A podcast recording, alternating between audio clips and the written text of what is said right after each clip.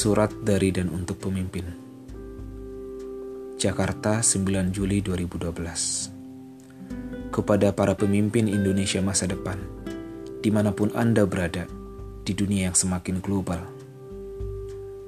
Saat saya menulis surat ini kepada Anda Dunia yang saya huni ini Mampu membuat 112 buah mobil dalam satu menit Menerbangkan orang non-stop dari Singapura ke New York dalam 18 jam dan menghasilkan produk made in world seperti celana jeans yang saya pakai sekarang. Karena walaupun saya beli di Bandung dan berlabelkan made in Indonesia, celana ini melibatkan lebih dari 15 negara dalam value chain pembuatannya.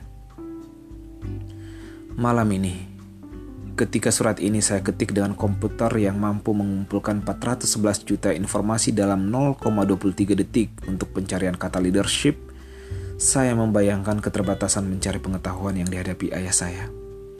Saat mimpinya untuk sekolah sirna karena perang yang berkecamuk.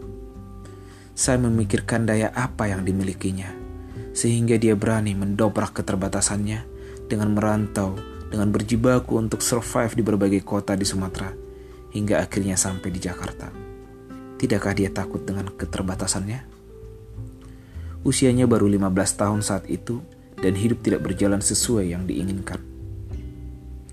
Saya juga terkenang dengan peristiwa mengerikan yang saya hadapi sendiri pada tahun 1987 ketika saya tiba-tiba difonis menderita kanker limfoma non-Hodgkin, kanker kelenjar getah bening yang tumbuh di medula spinalis saya dan merusaknya sedemikian rupa sampai saya kehilangan kemampuan untuk berjalan. Bulan-bulan yang melelahkan karena harus berobat ke sana kemari dan akhirnya berujung pada keharusan menjalankan hidup dengan kursi roda. Saya ingat betul betapa takutnya saya untuk menghadapi hidup saat ini. Keterbatasan menghadang di banyak hal. Usia saya baru 17 tahun waktu itu. Hidup berjalan jauh dari yang saya harapkan. Apa yang bisa dilakukan ketika keterbatasan seakan menjelma menjadi tembok besar dan ketakutan adalah anak panah berapi yang terus dilontarkan kepada kita sehingga kita tidak berani maju dan terus mundur?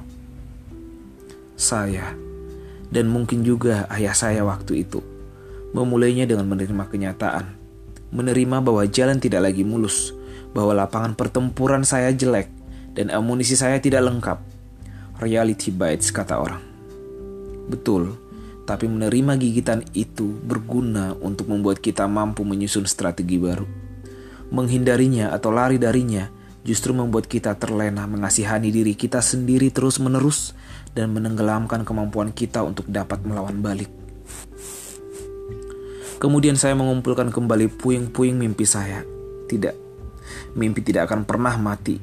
Manusia bisa dibungkam, dilumpuhkan, bahkan dibunuh, tapi mimpi tetap akan hidup ketika keterbatasan dan ketakutan mencoba melandamu. Mungkin mimpi kita pecah, runtuh, dan berserakan, tapi tidak akan hilang. Dengan usaha keras kita bisa menyusun kembali, dan ketika mimpi telah kembali utuh, ia akan hidup, menyala, dan memberi cahaya kepada pilihan jalan yang akan ditempuh untuk mewujudkannya. 26 tahun menjalani kehidupan dengan kursi roda, membuat saya semakin yakin bahwa Yang Maha Kuasa memang telah menciptakan kita untuk menjadi makhluk yang paling tinggi kemampuannya untuk survive di muka bumi ini. Kita diberikan rasa takut yang merupakan mekanisme primitif yang dimiliki organisme untuk survive, yaitu keinginan untuk lari dari ancaman atau melawannya. Ketika pilihannya adalah melawan, perangkat perang telah disiapkannya untuk kita. Perangkat itu terwujud dari kemampuan bouncing back, daya pantul, yang jika digunakan mampu membuat kita memantul tinggi ketika kita dihempaskan ke tanah. Kitalah yang bisa membuat daya pantul itu bekerja. Jika kita tak ingin melawan, perangkat perang tersebut bahkan tidak akan hadir.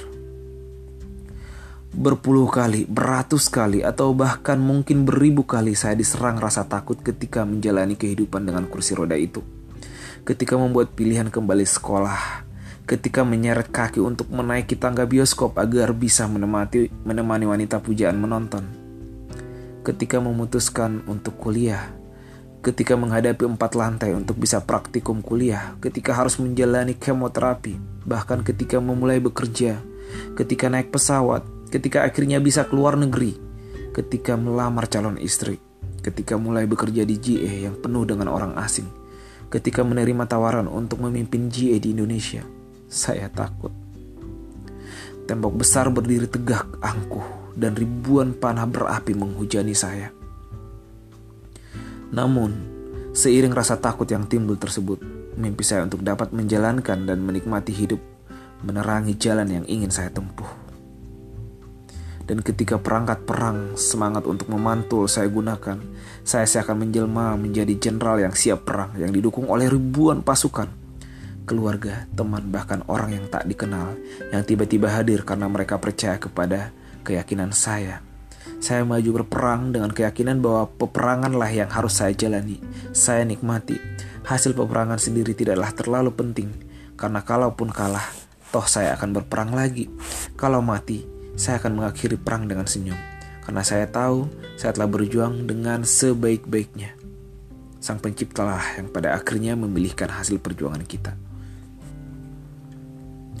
Menjadi pemimpin bermula dari memimpin diri sendiri mewujudkan mimpi yang akan dicapai.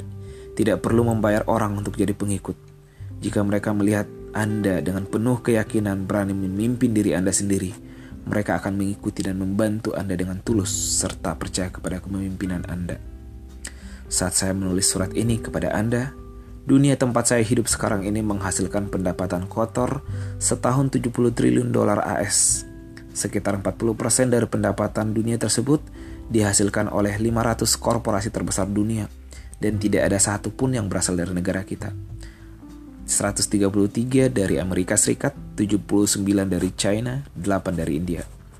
Terdapat sekurangnya 136 negara yang berkompetisi di dunia ini untuk mendapatkan keuntungan terbanyak dari proses ekonomi global dan daya saing Indonesia terukur pada ranking 46. Singkat kata, kita masih belum menjadi pemeran utama di panggung dunia yang tak berhenti mengglobal. Pekerjaan rumah Anda sebagai pemimpin Indonesia tidaklah mudah. Tidak berarti tembok besar dan ribuan panah api bisa menghentikan langkah Anda berperang. Selamat memimpin ke depannya.